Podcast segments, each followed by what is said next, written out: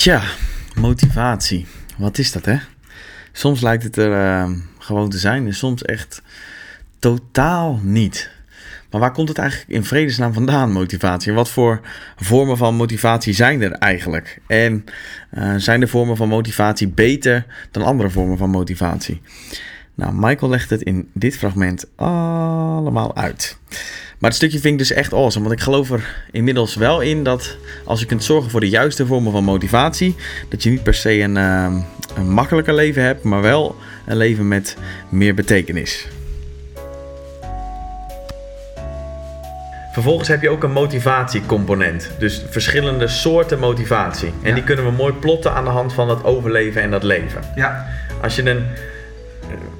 Als je nu aan het luisteren bent en dan eventjes in je hoofd een, een matrix voor, eh, voor je Kwadrant, ziet. zeg een kwadrant, een ja, met verticaal aan de, eh, de bovenkant leven en eh, onder overleven. Ja. En horizontaal aan de rechterkant discipline en de linkerkant drive. ja, dus leven, overleven, van boven naar beneden, discipline en drive van rechts naar links. ja, Daar kun je vervolgens alle vormen van motivatie kun je plotten. ja. En ook weer ook, ook eh, om de definities te, duidelijk te krijgen. Discipline betekent dat het moeite kost, dat het energie kost.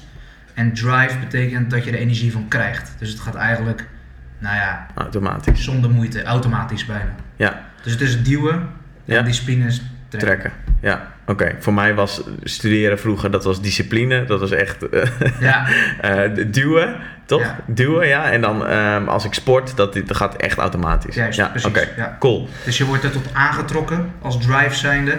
En discipline word je er naartoe geduwd, zeg maar. Ja, cool. Dat is niet goed of fout, maar gewoon puur eventjes om het matrix uit te leggen van Ja. de horizontale matrix, drive, discipline, Ja, verticaal overleven naar leven. oké. En dat is eigenlijk het dartboard, het, het kwadrant waar je de verschillende motivatiesoorten die je binnen dezelfde determinatietheorie hebt, kan inschalen. Ja. Pak jij hem ehm, over? Of zal ik, moet ik, wil je dat ik ze introduceer? Nou, jij had wel hele mooie eh, vertalingen voor de volksmond, vond ik. En dan kunnen we In plaats misschien... van eh, geïdentificeerde, ja, nee, ja, gewoon, regulatie. Ik vond eh, leuke vertalingen en dan kan ik misschien wat Oké, context cool, geven over cool. wat, ze, wat ze betekenen. Ehm, de minst handige vorm van motivatie is amotivatie. En Ja. dat in, in dit model staat inactiviteit en passiviteit. Ja, ja A-motivatie is gewoon eigenlijk dat je nergens, dus eh, passiviteit, inactiviteit is gewoon dat je nergens het nut van inziet. Dus als iemand tegen je zegt, ik sport, dat je denkt van ja, waarom de fuck zou je sporten? Gewoon dat je echt ervan overtuigd bent dat heel veel dingen geen nut hebben. ja.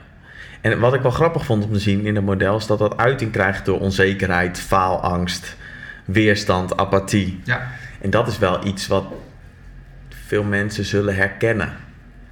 ja denk ik wel. Ik denk het wel. Ja. Ah, Hey, ik, ik was zelf toevallig, eh, was ik gisteren, eh, hè, als, de, als de sociale wezen wat ik ben, zat ik alleen op de bank heel de avond in het donker niets zitten lezen. Eh, en, God, over... en toen ging het positieve mensen over, gesproken. eh, over nihilism. Dus toevallig, dit vind ik wel een beetje bij het nihilisme passen. ja, ik dat ook. je echt gewoon zoiets hebt van het leven heeft geen nut, zeg maar. Eigenlijk is het gewoon, ja, heeft het allemaal geen zin. Ik vind dat heel erg bij passen. Dit aan motivatie, inactiviteit. Ja. Ja, dus dat is wel grappig. Oké. Ja, aan motivatie. Vervolgens heb je ehm, extrinsieke motivatie. ja, Dat is motivatie die. Nou, misschien kun je hem definiëren. ja, extrinsieke motivatie is dat je eigenlijk ehm, door iets doet. Je kan het op twee manieren definiëren. Je doet iets omdat anderen het van je. Je doet iets voor anderen. Dus je doet iets waar je zelf niet het nut van inziet, maar je doet het wel omdat anderen dat van je willen. Of je kan het definiëren als je doet iets voor beloningen te verwezenlijken of straffen te voorkomen. Dat zijn twee manieren waarop je Oké. motivatie. Dus je kan bijvoorbeeld. ehm, nou, je ziet het bijvoorbeeld, eh, je kan bijvoorbeeld je mening niet geven, omdat je weet dat je partner je er anders van langs geeft, zeg maar. Dat is het voorkomen van een negatieve eh, ervaring, van straf. Ja. Of je kan bijvoorbeeld puur en alleen maar bloemen meenemen, omdat je weet dat je vriendin daar blij van wordt. Dus als een soort manipulatietruc, zeg maar, eh, om haar iets positiefs Ja, in te laten zien. Check. Terwijl je er zelf helemaal niks mee hebt, je vindt het helemaal kut, zeg maar. Ja. Je doet het puur voor haar. Ja. Dat is echt een en- extrinsieke motivatie. En je, we weten ook dat dat niet heel duurzaam is. Nee, volgens mij eh, las ik in eh, zes ja, maanden. zes maanden. Ja. Ja, Ja. en dan zie je dat, dat het begint af te brokkelen. En dan gaat het langzaam, zakt het eigenlijk terug naar amotivatie. Ja. Dus dat is niet dat er dan een vervanger voor komt, maar het zakt gewoon terug naar niks. Ja. Naar inactiviteit, Ja. passiviteit. Dit herken ik wel. Bij projecten waar ik dan eh, eerst fucking gemotiveerd mee aan de slag ging. Om er uiteindelijk achter te komen dat het niet echt leuk was. En dan zie je dat ik, bij mij ook dat die ook motivatie weg hebt. Een vraag die ik hierbij had. Zullen er ook mensen, ja, die zijn er, die zijn er 100% mensen die ehm, ehm, extreem gemotiveerd raken ehm, door extern. Dus bijvoorbeeld door de carrot en de stick. Dat is, i- Ja, ja, ja. dat is iets wat, nou, laten we zeggen geld. De mensen die gewoon eh, opklimmen tot de hoogste regionen van bedrijfsleven. En knijten veel geld verdienen. En dat ook na zes maanden, na, zes, na 60 jaar nog hetzelfde is. Toen dacht ik, oké, als dat voor die mensen een ehm, houdbare motivatievorm is. Hm. Welke problemen ondervinden die mensen? Want die, worden, die zijn niet... ehm, Ja, het ligt eraan of geld echt hetgeen is wat mensen motiveert. Dat, dat is eh, hetgeen wat mensen roepen. Alleen, eh, en dan moeten we een kleine zijweg in. Het werken voor geld, ondanks dat wij als mensen die er vaak mee bezig zijn, met psychologie, vitaliteit, et cetera, dat als iets, nou ja, ik wil niet zeggen negatief, maar als iets onhoudbaars zien, wordt werken voor geld nog steeds wel een soort van gezien als sociaal geaccepteerd. Eh, waarom zeg ik dit? Is omdat het werken voor geld roepen veel mensen ook gewoon omdat het sociaal geaccepteerd is. Het is gewoon een makkelijk antwoord. Dus je rationaliseert iets wat je doet gewoon met, op een manier die sociaal geaccepteerd is. Als, we weten ook dat als je bij heel veel van dit soort mensen die zeggen dat ze voor geld werken, verder gaat vragen en echt gaat achterhalen wat nou de diep genestelde motivatie is voor hetgeen wat ze doen, dat het gewoon eigenlijk een, een poging is om een van die drie basisbehoeftes te bevredigen. Dus erkenning voor competentie te krijgen, competent te worden, of, om verbind, of, of naar verbinding, zeg maar. Dus betekenisvolle relaties op te bouwen. En geld is niet een van de dingen die daarin past. Oké, Alleen voor het, door het gebrek aan kennis, door het gebrek aan weten dat deze dingen bestaan, exact. roepen Dus ze hebben geen gewoon- naam voor het beestje. ja, ze, ze roepen niet wat ze, wat ze daadwerkelijk ervaren, maar gewoon wat ze denken te weten. Oké, maar stel je dus dat die externe motivatoren, die over het algemeen Ja. niet langer dan zes maanden duren, dat het niet kan dat mensen langer dan zes maanden worden ges- ehm, gemotiveerd door iets Ja. externs? Nou, ik denk dat het misschien wel kan, hè? maar in de meeste gevallen zie je dat het niet houdbaar is. Dat het wel een, zeg maar een houdbaarheidsdatum van plus minus zes maanden heeft. En dat kan bij sommige mensen drie maanden zijn, bij sommige mensen kan het een jaar zijn. Het heeft ook heel erg te maken met, met, met je eigen vermogen om iets te doen onder externe druk. Ik weet van mezelf dat ik dat eh, best wel lang kan. Ik kan, ik kan me gewoon best wel lang heel slecht voelen. Zonder dat ik. eh, ja, nee, maar ja, dat is. eh, Oké. Ehm, dat, dat is ook gewoon een vermogen om te kunnen. Ja. Niet iedereen kan het even goed. Ja. Ehm, en dat is eh, niet per se positief ook weer, of negatief. Maar het heeft ook te maken, het is afhankelijk van met wie je te maken hebt. Maar even, ik denk ook eh, dat het vooral een, een mooie richtlijn is om aan te houden. Ook om mensen bewust van te maken van, joh, als je dit blijft doen, dat, dat is niet houdbaar. Voor altijd. Ja. Eh, dat wil niet zeggen dat het slecht is, hè, deze motivatie. Het is alleen belangrijk om te beseffen dat het een, een, een houdbaarheidsdatum heeft. Ja. Maar het kan wel brandstof genereren eh, om een, naar een andere motivatiesoort te gaan. Ja, ik merk het soms wel hoor. Je kan bijvoorbeeld starten met trainen omdat je ook een bad boy wil zijn. Omdat Ja. je ook een kast wil worden. Maar terwijl je aan het trainen bent, merk je ook dat je je veel beter gaat voelen. Dat je eh, in een community rolt en ineens relaties opbouwt. Dat mensen het tof vinden dat je iets verwezenlijkt in je leven. En dan ineens zie je dat de community zorgt voor betekenisvolle relaties. Complimenten zorgt voor competentie. Ja. Dan ben je dus stiekem heel onbewust naar een andere motivatiesoort aan het gaan. Dan ben je naar leven aan het gaan. Ja. Terwijl je ooit begon met trainen voor het overleven. Voor puur en alleen maar voor externe motivatie. Ja. Is dit eh, de vraag die gelijk bij me opkomt? Hoe kom je hierachter? Hoe, eh, hoe kwam jij achter dit soort dingen? Van oké, waar word ik door, door gemotiveerd? Om jezelf gewoon puur die vraag te stellen, op, op te schrijven? Of?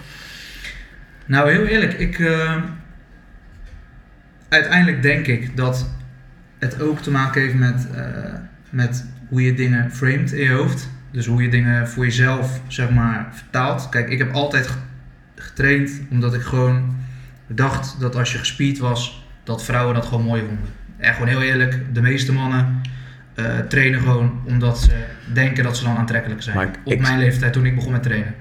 Ik zal je een geheimpje vertellen. Over het algemeen vinden ze het ook wel beter. En dat is ook zo. Ja. Maar even los daarvan, dat is, een, dat is dus een externe motivatie. Ook al vind je trainen helemaal kut, wat ik vond. Ook al vind je het niet leuk, je beleeft er geen plezier aan. Ik ging gewoon trainen omdat ik dacht, dan ben ik een bad boy. Prima op zich. Niks mis mee denk ik. Ehm, maar op een gegeven moment werd ik ook echt goed in het trainen. Ik werd sterk, mijn mijn uitvoering werd goed. Ik, ik heb bijna al mijn vrienden die ik nu heb, zeg maar, heb ik door fitness leren kennen. Ehm, dus het heeft ook heel veel anders gebracht. Ja. Dus ik heb het nu in mijn hoofd gereframed naar iets wat, nou ja, wat veel houdbaarder is. Het zorgt ervoor dat ik, eh, weet je, ik heb betekenisvolle relaties onderhoud ik met trainen. Weet je, het heeft heel veel, het is instrumenteel geworden voor heel veel andere dingen. Maar dus als jij nu naar de ehm, gym gaat, dan bedenk jij bij jezelf, trainen is goed, want daar heb ik heel veel van mijn vrienden door ontmoet en dat geeft me heel veel betekenisvolle Nou, niet per se op zo'n directe manier, maar het zorgt er wel voor dat ik eh, het niet alleen maar meer zie als iets wat ik doe voor iemand anders, zeg maar. Dat doe ik nu ook niet meer, eerlijk gezegd, want eh, nou goed, op, op een gegeven moment is die motivatie dus gewoon weg. Dan merk je dat het niet alles is en Ja. dan hebt dat weg. Maar wat er overblijft is wel het besef van ja, het heeft ook heel veel andere dingen gebracht. En ondertussen weet ik wel echt wat ik aan het doen ben. Dus het trainen in zichzelf is ook leuker geworden. ja. Maar het heeft bij mij wel echt gewoon heel lang geduurd. ja. Vind je het ehm, leuk? Nou, ik moet zeggen, ik vind het sinds kort weer leuk. Oké. En tot kort geleden train ik echt puur en alleen maar omdat ik rationeel weet dat ik me er beter door voel. Ja, Maar sinds kort heb ik best wel weer een beetje de motivatie, eh, de intrinsieke motivatie, Ja. echt. Het leuk vinden van trainen zelf. Ja. Nou, misschien ehm, kunnen we dan een bruggetje gelijk maken naar die andere drie vormen van... eh, of was je hier, wilde je hier nog wat over zeggen? Nee, over die externe? is dat het, je externe motivatie voel je vooral niet schuldig om door externe factoren gedreven te worden. Besef alleen dat het houdbaar is. En ik denk dat je moet plotten van hoe ga ik dit nu gebruiken? Deze, de brandstof goeie. die ik nu heb, hoe ga ik gebruik, dat gebruiken om door te zetten naar iets wat houdbaarder is? Zoals ik bijvoorbeeld die eerst puur voor vrouwen trainde en ondertussen gewoon het trainen leuk vind omdat ik er goed in ben geworden. Of omdat ik, er, omdat ik weet dat ik de mensen die in de sportschool zijn chill vind. Ja, En dat is ook waarom ik het ook weer leuk aan te vinden ben. Ik zie gewoon mensen die keihard aan het trainen zijn, die sterker dan ik zijn, die gespierde zijn. En dat geeft gewoon een ja lekkere. Ja, competitieve ja, eh, omgeving. Vind ik zelf gewoon heel leuk. En ik ga met mensen praten. Dat deed ik nooit in mijn oude sportschool, eh, waar ik tot kort geleden trainde. Dus het kan ook heel veel andere dingen brengen. En dat bedoel ik van. Je kan het ook reframen. Ja. In je hoofd.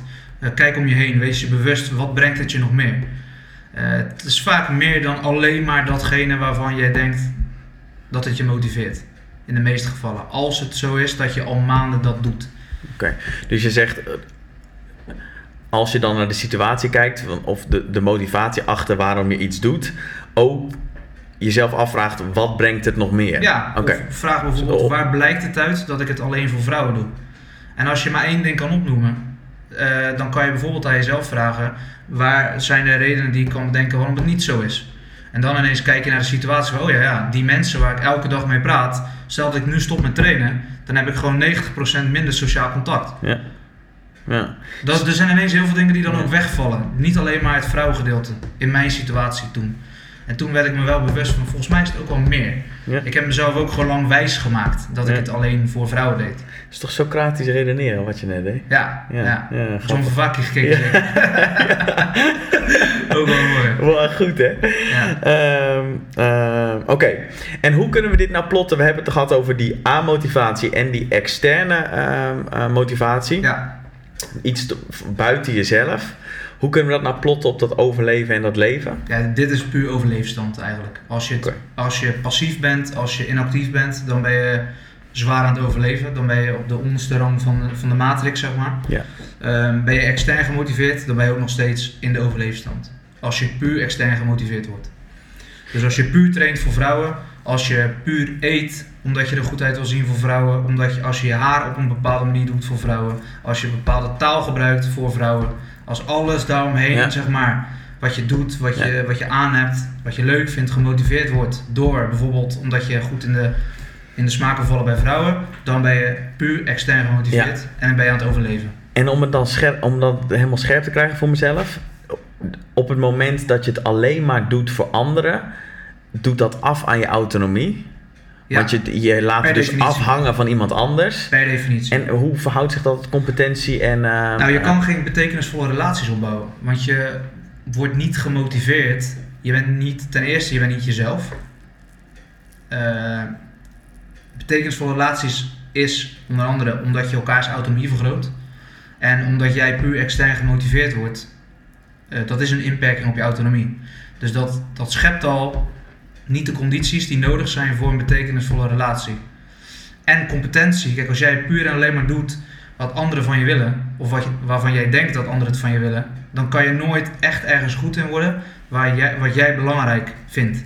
Dus ook de erkenning die je krijgt, wat wel een deel is van competentie, is niet waardevol voor je. Want je Ja. krijgt erkenning voor iets wat eigenlijk puur een externe motivator is. Ja, Dus je ja kan je, je dingen krijgt erkenning voor iets wat, wat je eigenlijk toch je extern gedreven ja, wordt, ja, ja, zeg maar. Dus die ja. vrouwen, die vrouwen, ik ga echt comments krijgen. Zo bedoel ik het niet, ik bedoel het, de vrouwen, waar, die verdomde vrouwen, Ja, Eh, Die goddelijke de vrouwen wezens, ja. waar jij door gemotiveerd wordt, de externe factor, Ja. eh, is niet iets wat eh, intrinsiek is. ik Eh. moet zo... Ik moet Oké. Oh, er komen in één keer allemaal eh, Top. verhalen op. Oké, sorry. Ehm, ja, dus ik weet niet meer wat ik. Ik ben gestopt bij die vrouw. Oké, Nee, je dus, kunt eh, geen... vrouwen inderdaad de, de externe factor is, ook al krijg je daar erkenning van, dus ook al krijg je heel veel erkenning van vrouwen, en je hebt alle vrouwen van de wereld, eh, zal het nooit voldoening geven. Omdat het de vrouwen aan zich een externe motivator is. En competentie en erkenning van competentie werkt alleen maar als je één, als het een autonome keuze is, en twee, als het intrinsiek is. Ja, Of in ieder geval als het gekoppeld is aan iets wat voor jou specifiek echt belangrijk is. ja. Hmm. Dus ik moet denken aan, om even in de vrouwen, in dat voorbeeld te blijven. Ja, wat je doet. Je hebt van die, van die gasten die, eh, eh, die zijn alleen maar pick-up artists of zo. Van die Ja. gasten die, als die dat doen alleen maar om cool gevonden te worden. Dus alleen maar de erkenning of alleen maar de validatie Ja. te krijgen van zowel vrouwen als andere gasten die dat heel stoer vinden. Ja, Dan zullen ze dat zelf nooit waardevol vinden. nee. Of als mensen hun daar eh, waardering voor geven. Het, het is gewoon hetzelfde als geld. Kijk, we weten dat er een, een, een cap is voor hoe, hoe gelukkig geld maakt. En dat is hetzelfde voor vrouwen. Dat is hetzelfde voor alles eigenlijk wat niet binnen die basisbehoeftes valt. Dus je kan het zeg maar, even heel plat geslagen, stel je vraag je af van als ik meer van dit heb, word ik er dan ook evenredig gelukkiger van of beter van? Dan leg je datgene gewoon, probeer dat in te delen op die zelfdeterminatietheorie. Dus waar valt het? Valt het binnen één van die drie basisbehoeftes? Kan ik met datgene, als ik er meer van krijg, mijn basisbehoeften Ah, oké. beter bevredigen? En als dat, niet goed. zo is, dan ben je dus iets aan het najagen. Dan ben je dus datgene aan het najagen voor het najagen ervan. Dus meer vrouwen maakt niet gelukkig, meer geld maakt niet gelukkig, meer kleding maakt niet gelukkig. Ja. Meer van alles vrijwel Ja. van wat we nastreven in het leven maakt niet gelukkig. Omdat het niet bijdraagt aan Ja. het bevredigen van die basisbehoeftes. Tenzij de, de handeling die naar het najagen van datgene leidt, intrinsiek goed is. Ja. Of fijn is Precies. of motiveert. En daarom, wat wel bijvoorbeeld zo is, is je, als jij een betekenisvolle relatie hebt met je partner, Ja. als je hem nog betekenisvoller maakt, word je gewoon er beter van. Ja. Maak je hem nog, er is geen cap tot hoe betekenisvol iets kan zijn. Omdat het directe impact heeft op hoe die basisbehoefte, verbindenis, bevredigd wordt. Dus Ja. als jij eh, factoren in je leven verbetert die bijdragen aan bevrediging van basisbehoeftes, dan word je oneindig er beter van. Er is, we weten niet waar de cap is, zeg maar. Kijk, en het is niet zo dat je dan dat je alles merkt. Je hebt wel de wet van de verminderde meerwaarde. Dus elke stijging wordt wel relatief kleiner. Maar in principe is er geen cap in hoe goed je je dan kan voelen. Je genereert alleen maar meer leven. Want je komt steeds hoger in de matrix van, van leven te zitten, zeg maar. Zo, dat is interessant. En wat ik nice vond aan wat je net zei, is dat je. Ik had moeite om voor mezelf duidelijk te krijgen wat dan het verschil, hoe je erachter kan komen of iets, of je in frustratie zit, of in bevrediging of de moeite waard. Maar je zegt gewoon, oké, eh, die zin vond ik nice. Hij levert extra van het, ditgene, dus levert het extra geld. Levert dat me, ehm, draagt dat bij aan een verbetering van een van die drie Ja. levensbehoeftes? Zo niet, dan naag je, Ja. jaag je het alleen maar na om het najagen van het Ja. extra krijgen van datgene. Precies, en de vraag die je dan eigenlijk fundamenteel, de fundamentele vraag is, draagt extra van ditgene bij aan meer leven? Ja, oké. Want die basisbehoeftes, de Als je leven ervan, definieert als die drie basisbehoeften. ja, ja. genereert meer leven. ja. Hoe, is het iets wat jij eh, op wekelijkse, maandelijkse eh, basis doet? Nee, niet per se. Alleen waar ik- wat ik wel doe is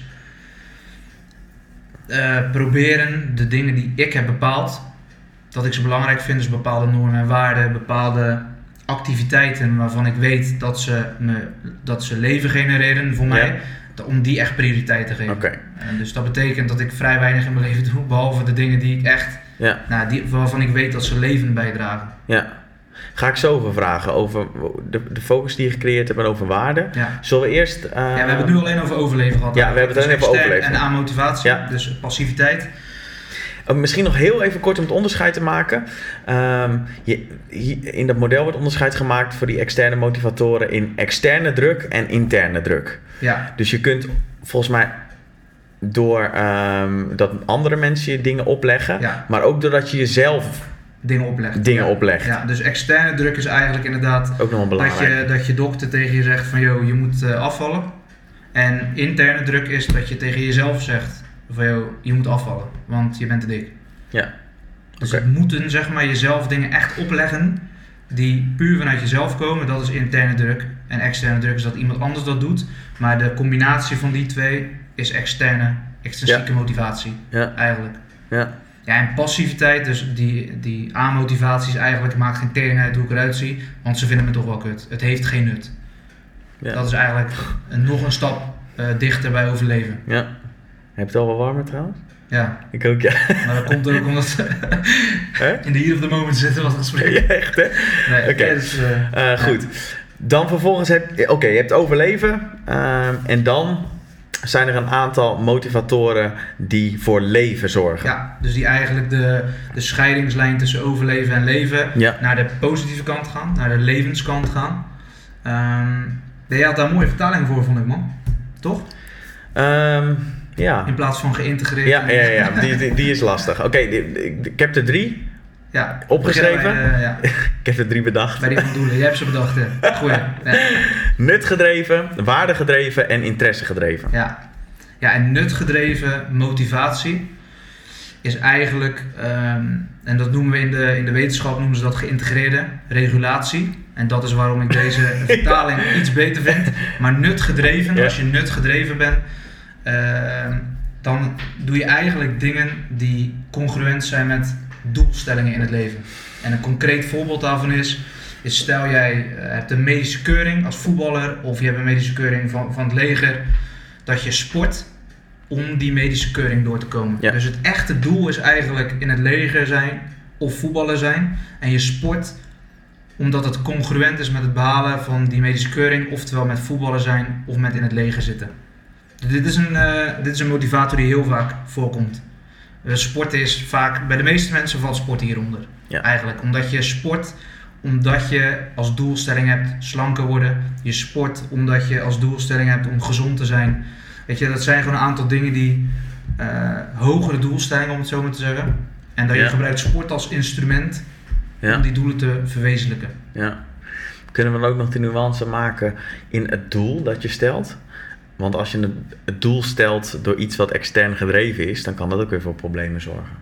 Stel nou, ik stel hier een doel Dus ik zeg, het voorbeeld van ehm, ik wil, ehm, eh, ik moet een keuring doen ehm, voor het leger. Maar de enige reden dat ik naar het leger wil is omdat mijn vader dat eh, ook in het leger Ja, zit. je kan het uiteraard. Kijk, je gaat. eh, als je dit.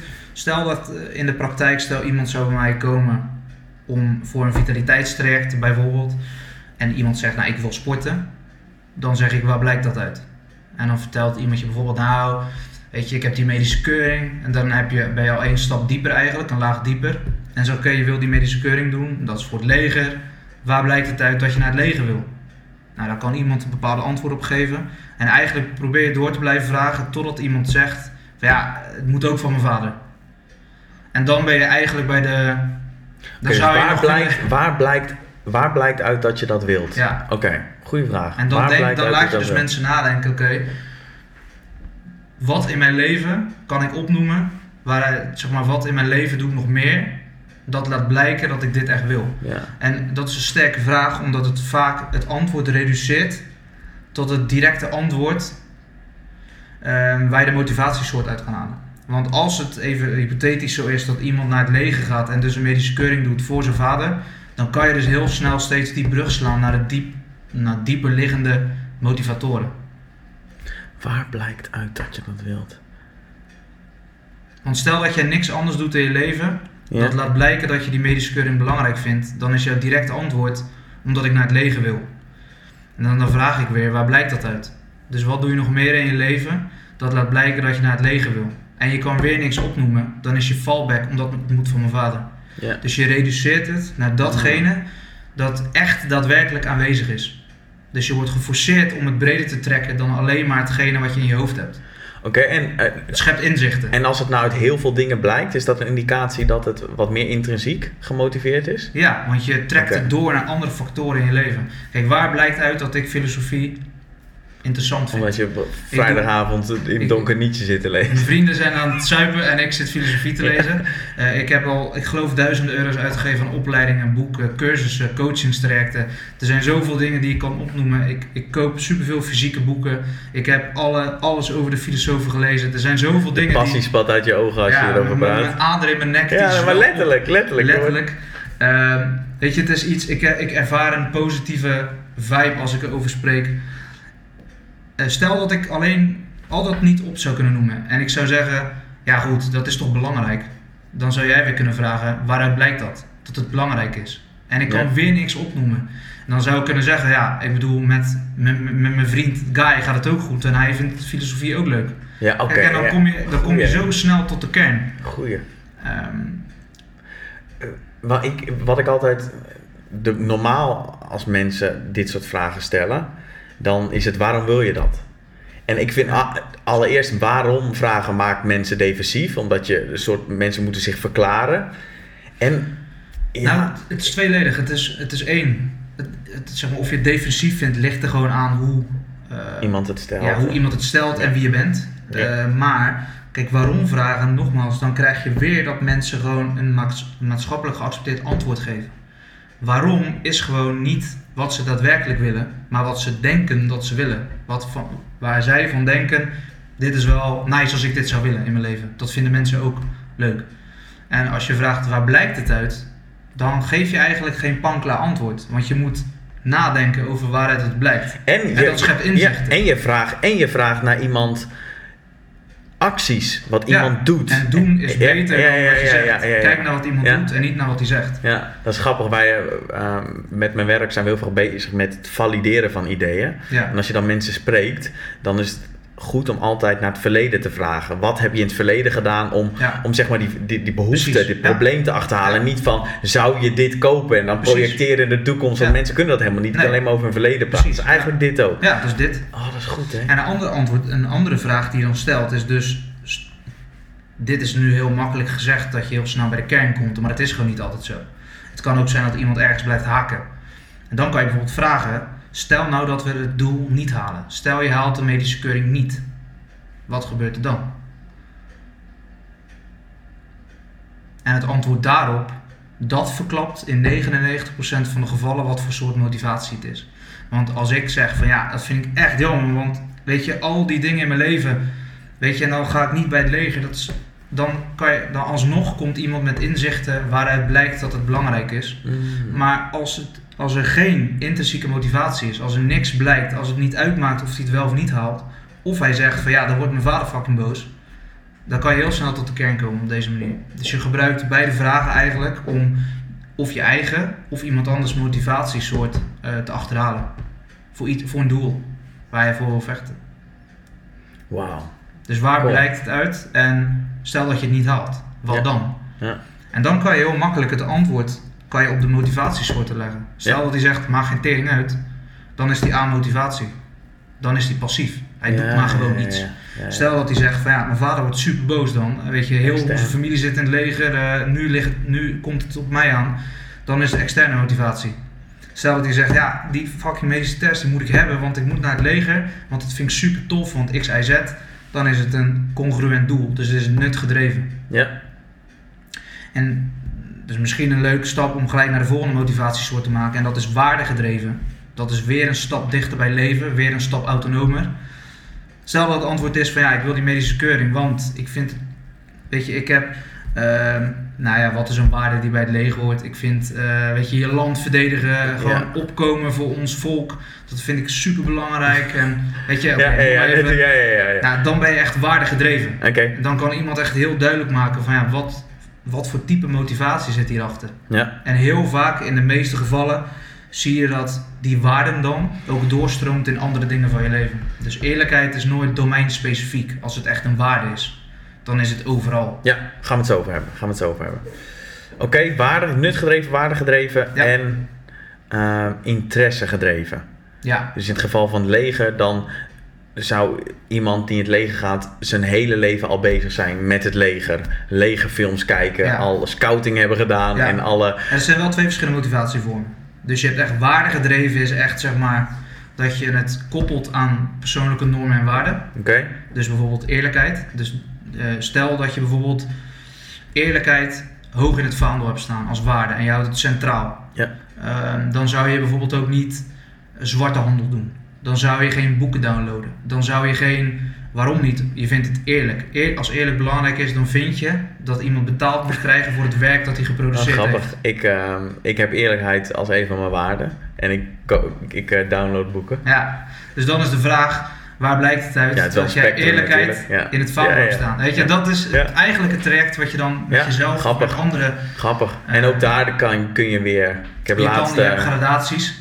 Eh, Kant zegt bijvoorbeeld van nee, als je eerlijkheid, dan moet je zelfs als je moeder iets doet, dan Ja. moet je er gewoon nakken bij de politie en gelijk aangeven, zeg maar. ja, Ik weet niet of dat een. eh, Ik heb eerlijkheid naar mezelf en anderen heb ik heel belangrijk. Ik heb laatst, toen eh, vertelde ik een leugen tegen een maat van me. Een kleine.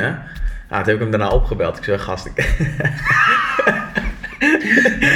ja, letterlijk. Ja. gast, ik heb je net een leugen verteld. En toen hij het zei, toen moest hij... Hij zei, gast, hoe gives a fuck? Ik zei, ja, ik wel gewoon. Ik Ja. vind dat belangrijk. Maar nogmaals, dan is het, kijk, en je hebt wel gradaties. Hè? Het, eh, ik denk dat ethiek wel ehm, een spectrum is en niet binair. Dus je kan ook nog, te- nog steeds eerlijkheid hoog in het vaandel bestaan. Maar ik geef even een voorbeeld van die boeken. Ja, ja, ja. Van als Maar ik je- vind hem nice. Als Ik, het waardegedreven is, dan ehm, zie je dat gewoon in meerdere factoren terug. Dus jij zal het waarschijnlijk niet alleen bij je maat hebben, maar jij zal ook niet snel bijvoorbeeld producten verkopen die echt mensen kwaad doen. Dus Nee. dat je zoiets hebt van ja, weet je, fuck it, als ik er maar geld aan verdien. Als je eerlijkheid bijvoorbeeld echt hoog in het vaandel hebt, dan zie je dat niet alleen maar terug in één specifiek eh, aspect. En ook al ben je dan niet radicaal in eerlijkheid, vaak zie je wel meerdere Ja, dingen terug. ja. Als het echt zo is. ja, En veel mensen zeggen dat het echt zo is. Dat moet maar blijken, maar dat kan je dan aan jezelf vragen. ja. Ehm, ja. Oké, goeie. Dus dat is waardegedreven echt. En dan heb je interesse gedreven waar je over begon. begon. En dat is dat je de activiteit of datgene, het doel zelf, in zichzelf plezierig of belangrijk vindt. Dus vissen is het ultieme voorbeeld. Mensen vissen niet om vissen te vangen. Want als je vissen wil, als het gaat om de vissen, dan rij je naar de fucking slager. Je vist omdat het vissen in zichzelf gewoon plezierig is voor mensen.